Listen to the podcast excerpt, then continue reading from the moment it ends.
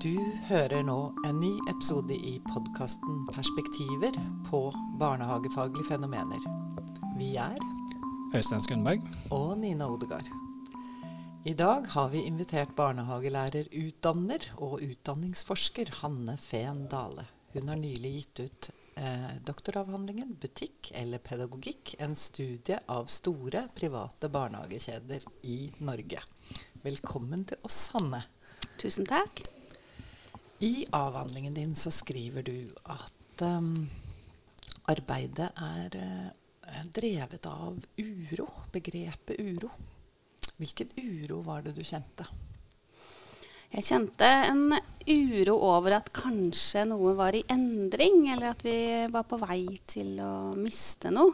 Um, uro ikke, er ikke kun negativt ment i denne sammenheng. Det er mer ment som en sånn, et motivasjon og en drivkraft i forskningen. Uh, men jeg visste jo ikke helt hva det var jeg var uh, urolig for. Men, uh, og det var det jeg måtte finne ut. Men jeg så at det var en stor endring på gang. En sånn historisk skifte i barnehagesektoren, og spesielt den private delen av barnehagesektoren. Man gikk fra enkeltstående, foreldreeide, menighetseide barnehager til store barnehagekjeder. Og, og, kjente en sånn uro over er, noe, er vi nå på vei inn i noe som uh, vi ikke aner uh, følgene av. Eller er vi på vei til å miste et eller annet? Og, det, og den uroen den har fulgt meg gjennom hele prosjektet, og som har vært en sånn viktig motivasjon da, for å gjennomføre alle delprosjektene og alt. Uh, og, og jeg fant vel ut at det, det bunnet i en uro over eh, om eh, ivaretar vi barn, små barns rettigheter godt nok i barnehagen. Eh, fordi det var noe jeg var opptatt av at ikke skulle forsvinne. Eh, og det andre var eh, hva skjer med den norske barnehagepedagogiske tradisjonen oppi det her. Er det, det er noe som mange av oss er stolt av, og som vi ønsker å bevare. Og er dette noe som er nå i endring med de store kommersielle barnehagekjedene. Så på den måten så var både uro en drivkraft og en motivasjon eh, for at du i det hele tatt gikk i gang med doktoravhandlingen din? Ja, og det, og det, var den som ledet meg videre fra ett delprosjekt til det neste. Det jeg fant ut i det første, det skapte en uro som gjorde at jeg gikk videre til neste for å finne ut mer av det. Og da fant jeg ut noen ting som jeg ble urolig for, og som jeg ville undersøke videre i det neste delprosjektet. Uh, og sånn, sånn, drev, sånn, drev, jeg hele undersøkelsen. Mm. Men denne norske og nordiske barnehagetradisjonen, hva er det som kjennetegner den? Altså, for det er jo et sånt eh, overbyggende begrep. Eh, men, men eh, hva, er det, hva, er det, du tenker på som, som, er typisk for dem som ville skille det fra en, måte, en annen tradisjon?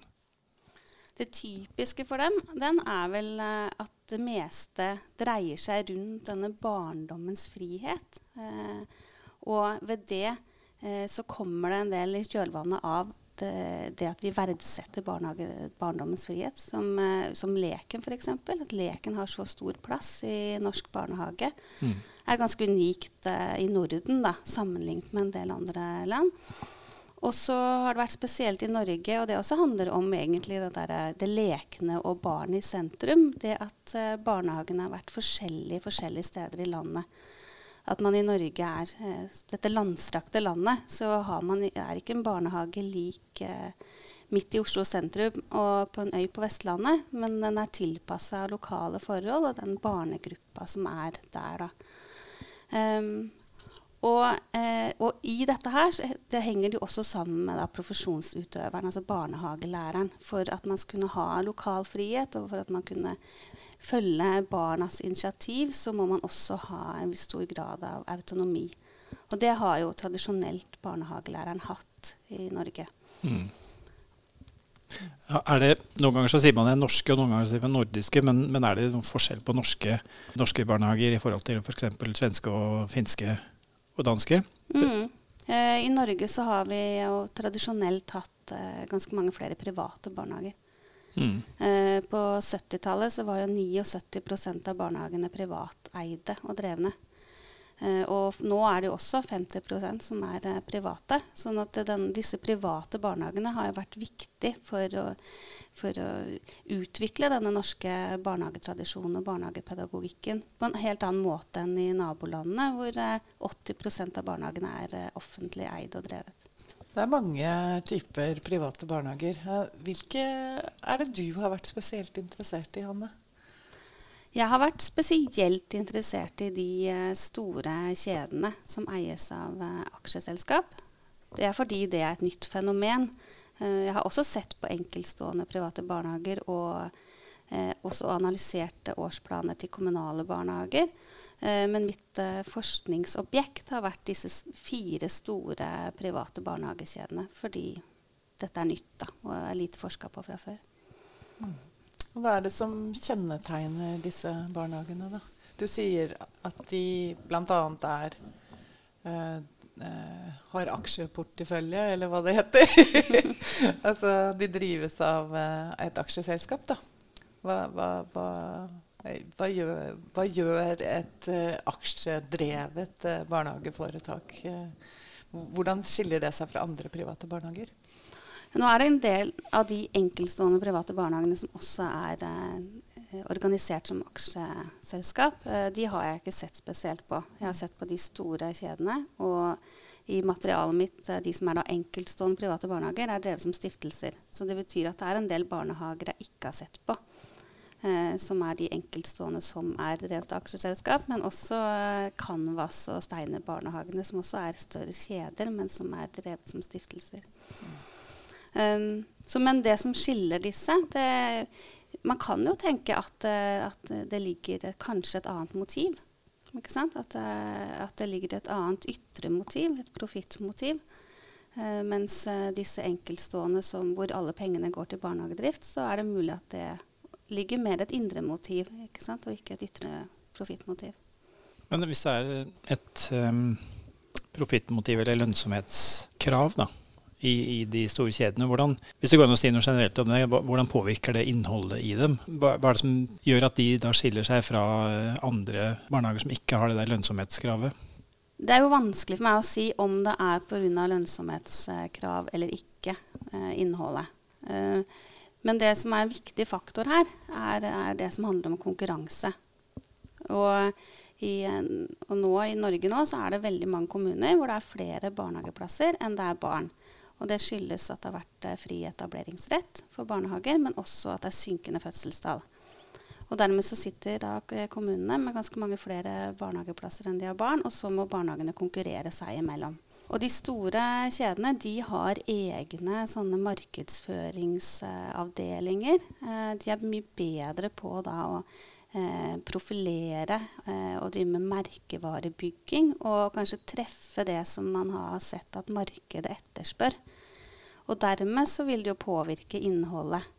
Hvis man ikke lenger går ut fra hva er det denne barnegruppa som jeg har, hva er det de har behov for, hva er, det, hva er som er deres interesser, men heller retter seg utover mot markedet og ser hva er det markedet kan eh, ønske seg, eller hva er det som eh, er lett å eh, profilere. Hva er, det, hva, er det som selger? Mm. Og da har jeg jo sett at noe av det som selger, er det som er sånn typisk det ytre. Mm. Som at man har varm mat. Foreldre er opptatt av mat for tida. Eh, og også åpningstider selger. At man har lengre åpningstider. Og dette her er jo ikke ting som man kan si at dette er noe som vi vet at barna i barnehagen har etterspurt. Lengre åpningstider eller eh, varm mat. Eh, men det er noe som selger til foreldrene. Og også kanskje det at man eh, kan eh, selge med et type konsept som sikrer kvaliteten i barnehagen. Man sier at her er ta konsernet tar på seg ansvaret for kvalitetssikring ved at alle følger dette konseptet. Det er det vi markedsfører oss med. Noen med også med garantier, sånne utbyttegarantier. Så det blir en Man selger en vare, da. Og det det er ikke de enkeltstående private barnehagene like gode på. Eh, eller de kanskje ikke vil det heller. Men, eh, men, de har ikke noen egen markedsavdeling. De er jo ofte veldig få eh, og, mm. og, taper i denne konkurransen. For, for markedet, det er, jo, det er, jo, foreldrene i denne sammenhengen. Og hvorfor tror du at denne, dette mest standardløsninger er så Altså vekker sånn tillit, da? Er, er det, og konsepter, som du, du kaller det. For det, det, det, høres ut som det er på en måte et opplegg som da eh, foreldrene får tilbud om, at, og, og, som da garanterer en, en del resultater eller ja, et innhold som, ikke, som, som er veldig forutsigbart. er det, hva tror du er hovedgrunnen til at dette er interessant for uh, markedet? Ja, det det kan, jeg jo bare anta, da, for jeg har jo ikke intervjua foreldre. Så jeg, jeg, vet ikke. Men i og med at de kjører på disse konseptene, så kan man jo anta noen ting. Da. Og det, jeg vil tro at det spiller litt på følelsene til foreldrene. Altså jeg vil jo, Hvis jeg ikke var barnehageforsker, men jeg er jo mamma, jeg vil jo kjenne meg igjen i noe av det som garanteres. Mm. F.eks. denne vennegarantien som barnehagekjeden FUS har eh, reklamert med. Er det noe vi foreldre er opptatt av, så er det jo at barna våre skal få en venn i barnehagen. Og hvis eh, denne kjeden kan garantere at barnet mitt får en venn, så, så kanskje det jeg tenker at ok, da må han, han burde gå der, for det er det jeg er mest opptatt av. Jeg er mest redd for at han ikke skal få venner. Og så tror jeg ikke de fleste da tenker over at det er ikke mulig å garantere på vegne av andre mennesker. Eh, eh, det, er sikkert, det, er, det er, ikke sikkert det er noen i den barnegruppa man har lyst til å bli venn med. Det er, det er, helt umulig selv med barn å garantere på vegne av noen. Men det treffer da, ikke sant, som mm. en garanti. Og, og, det andre vi kan være redde for som foreldre, er jo vil barnet mitt klare seg på skolen. ikke sant? Så hvis du ser at det er et type konsept som vektlegger mye det sånn faglig skoleforberedende, eh, så kan man jo tenke at hvis barnet mitt går der, så vil det få en fortrinn når det begynner på skolen. Fordi man allerede har trent en del på matematikk og språk og naturfag og sånn. Så det, det, tror jeg kan treffe en del. Mm. Du bruker dette begrepet McDonald Ifisering? Ja. Mm. det var vanskelig å si. Jeg har ikke trent på det, Hanne. Men, men uh, si det en gang til. McDonaldifisering. Ja. Ja. Hvem er det som har lansert det begrepet, og hva har det med barnehage å gjøre? Ritzler uh, har lansert det. Det er en gammel teori eller, fra 90-tallet. Mm. Um, hvor han så på hvordan uh, Egentlig starta jo med restaurantmarkedet man kalle det, men han eh, overfører det også på andre virksomheter. Eh, og hvordan man kopierer den måten som fastfood-kjedene eh, driver på. Eh, for, og, for, å drive med en mer rasjonell drift, da, økonomisk rasjonell drift. At man overfører det på andre områder i samfunnet, også på velferdstjenester. Uh, og da jeg skulle se hva som kjennetegner den største barnehagekjeden Læringsverkstedet, så så jeg at en del av det de fortalte, det, det stemte urovekkende godt med denne teorien. Eh, og da valgte jeg å se det opp mot den teorien. Jeg kunne, kunne valgt andre teorier også, men uh, jeg så at her var det så mye som ligna. Og det den teorien går ut på, altså for å rasjonalisere, så er det f.eks. det at eh, det, eh, kvantitet går foran kvalitet. Da. Altså det at det er mye av noe, eh, skal fortelle oss at det er bra. Uh, og det er også en stor grad av kontroll over menneskene i organisasjonen. Uh, vi mennesker er jo de mest uforutsigbare, og kanskje spesielt barn er jo veldig uforutsigbare. Uh, så det å ha kontroll over menneskene, både de ansatte, men også kundene, er en del av det. Og at man finner den mest optimale måten å gjøre noe på. Man har funnet én måte å steke hamburger på og lage den på. Da gjør man det på den måten. Og i det så ligger det jo også at man egentlig kanskje ikke trenger eh, kokker og folk som er utdanna kokk, ikke sant? fordi ting er allerede ferdig laget. Og McDonald's har også eh, inspektører som går rundt og sjekker at man følger dette her i hele verden. Da? Dette konseptet eh, om hvor alt skal være likt. Og det var der det starta med at jeg tenkte her er det noe som ligner. Fordi informantene mine fortalte at eh, Alt skal være likt i alle læringsverkstedets barnehager. Du trenger ikke å lese på skiltet at det står læringsverkstedet. Du skal skjønne når du kommer inn, fordi interiøret er likt, eh, materialene er like, fargene er like.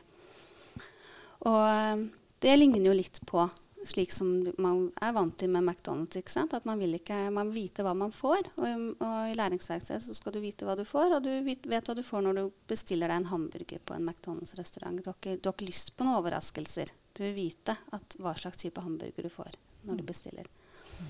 Og det er det som, er, som er det like. At man har funnet den, den, ene optimale måten å gjøre det på. Eh, og man har ganske stor kontroll over de ansatte. De har også sånne regionsjefer som går rundt og gjør inspeksjoner og kontrollerer at konseptet følges. Mm. Du skriver jo noe om konseptene i avhandlingen din. Eh, har du lyst til å si noe om hva du fant? Ja, jeg kan si at uh, dette konseptet som vi snakker om nå, det går ut på at de har uh, tatt uh, rammeplanen syv fagområder og om til fem fagtema. Som har da blitt til ett ord da, på hver. Altså det, det har blitt språk, matematikk osv. Og, og disse legges inn i et ukeprogram hvor man har ett fag hver dag. Og da vil det variere. Den ene barnehagen kan ha matematikk på tirsdager, og den andre kan ha matematikk på onsdager. Men det er laget som et ukeprogram hvor eh, man har fast materiell til hver av disse fagene. Eh, og også en sånn figur eller en sånn dukke som skal være med når man driver med det. Da. Slik at barna skal skjønne at nå driver vi med språk, nå er det en språkdag. Eh, og da er det én spesiell figur som følger med da. Um, og det, dette er jo utviklet uh, hos konsernet. Spesielt av den ene eieren, Randi Sundby, som har utviklet uh, dette konseptet. Og, og, den, og, og, et eget program for sosial kompetanse som heter Hjerteprogrammet, som også har en egen dag. Men dette høres jo arbeidsbesparende ut på en eller annen måte? Ja, det er en form på rasjonalisering. ikke sant? Det er en effektivisering da, av uh, driften. Mm. Mm. Men pedagogene altså Pedagogikken er jo ofte pedagogisk praksis og veldig sånn autonom virksomhet. Hvordan vurderer de disse, disse metodene og verktøyene som, som kan, kan, lette både planlegging og gjennomføring? Noen syns det var veldig bra. Eh, det var jo veldig ulikt eh, blant de jeg intervjua. Noen sa at det hjalp dem til å komme gjennom alt man må gjennom i rammeplanen. Det at noen hadde laget liksom en sånn uh, idébank, som de kalte det, eller verktøykasse uh, i materiale, eller del, i læringsverksted, sånn reklamemateriell, så kalles det for et materiale. Men det kalles litt ulike ting, tror jeg nå, blant pedagogene. Men det å kunne ha en sånn idébank, og så vite at, uh, at det er en struktur på det, sånn at når du har kommet gjennom året, så vet du at du har vært igjennom alt du må i rammeplanen. Det syns flere var egentlig ganske ålreit. Mm. Mm. Mens andre reagerte veldig på det. Uh, og tenkte at uh, hvorfor i all verden, jeg kan jo dette her mye bedre uh, selv. Og jeg pleier jo å ta utgangspunkt i det barna holder på med. Og hvis barna får lyst til å legge noen steiner oppå hverandre på tur og telle dem, så, så er vi i gang med telling. Vi, vi, driver ikke med det en spesiell dag. Mm. og noen reagerte veldig på dette her med at du skal ha et eget program for sosial kompetanse. og mente at det er ikke den måten man lære sosial kompetanse på, men i det daglige, i hverdagen. Det som oppstår der og da mellom to, toåringer som krangler om en leke. Eller, altså det, er der, det, er da du lærer å forholde deg til andre mennesker, ikke gjennom et program. Så, ja. så, noen reagerte veldig på det, og hadde ikke sansen for det. For det, må huske at disse, barn, disse, kjedene har jo ikke, har ikke bygget så mange barnehager selv. Så de kjøper opp enkeltstående private barnehager. Eh, så de fleste av disse pedagogene de har jo da opplevd at de har holdt på eh, på egen hånd i en enkeltstående barnehage, og så plutselig må de forholde seg til et sånt konsept.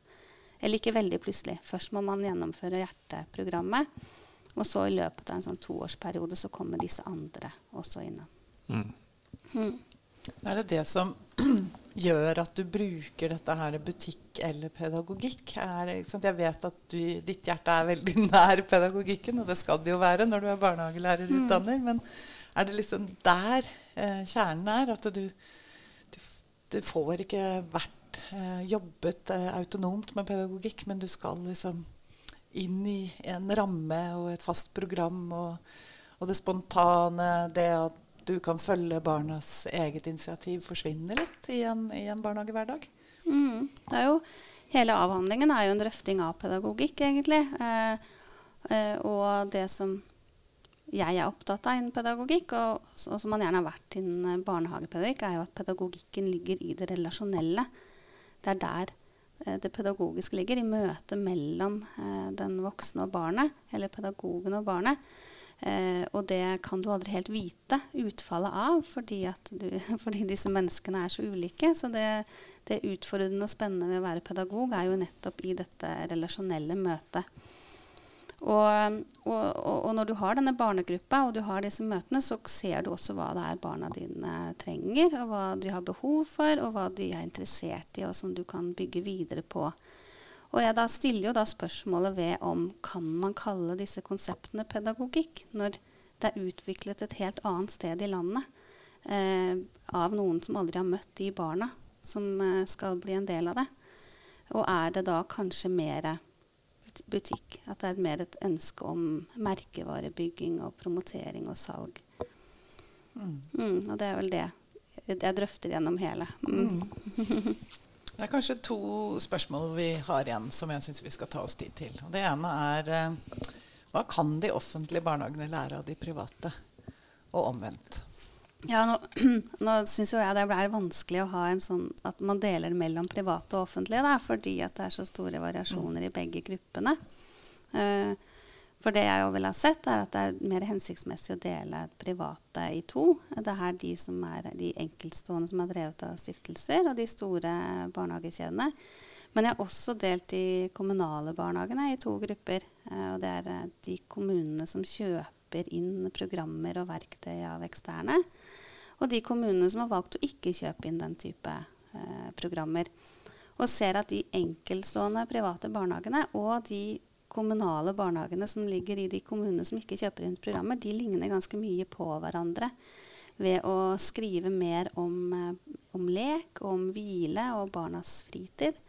Eh, mens de store barnehagekjedene og de eh, kommunale barnehagene som ligger i kommuner som kjøper inn mye testmateriale og programmer, de skriver mye mer om hva barna skal lære i barnehagen, og mindre om lek.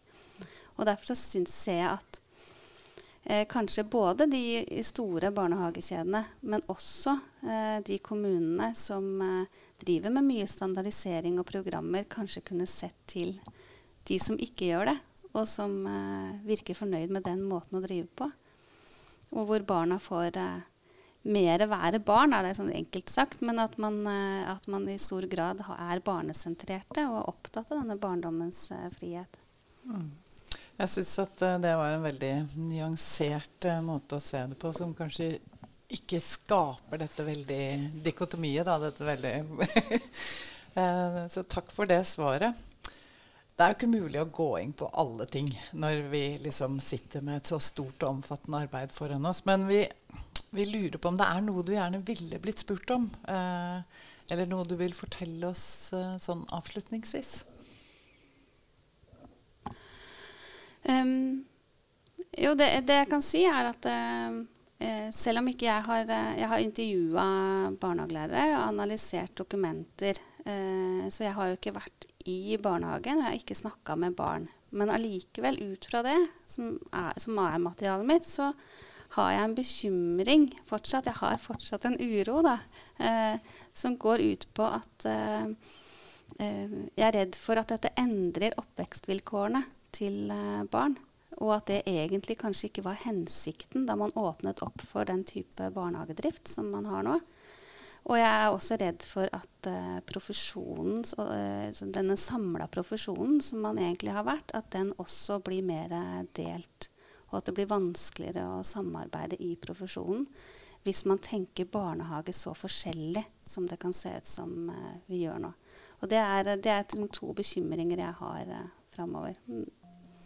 Tusen takk, Hanne Fehn Dale, for at du ville være med oss i podkasten Perspektiver. Vi er Øystein Skundberg. Og Nina Odegaard.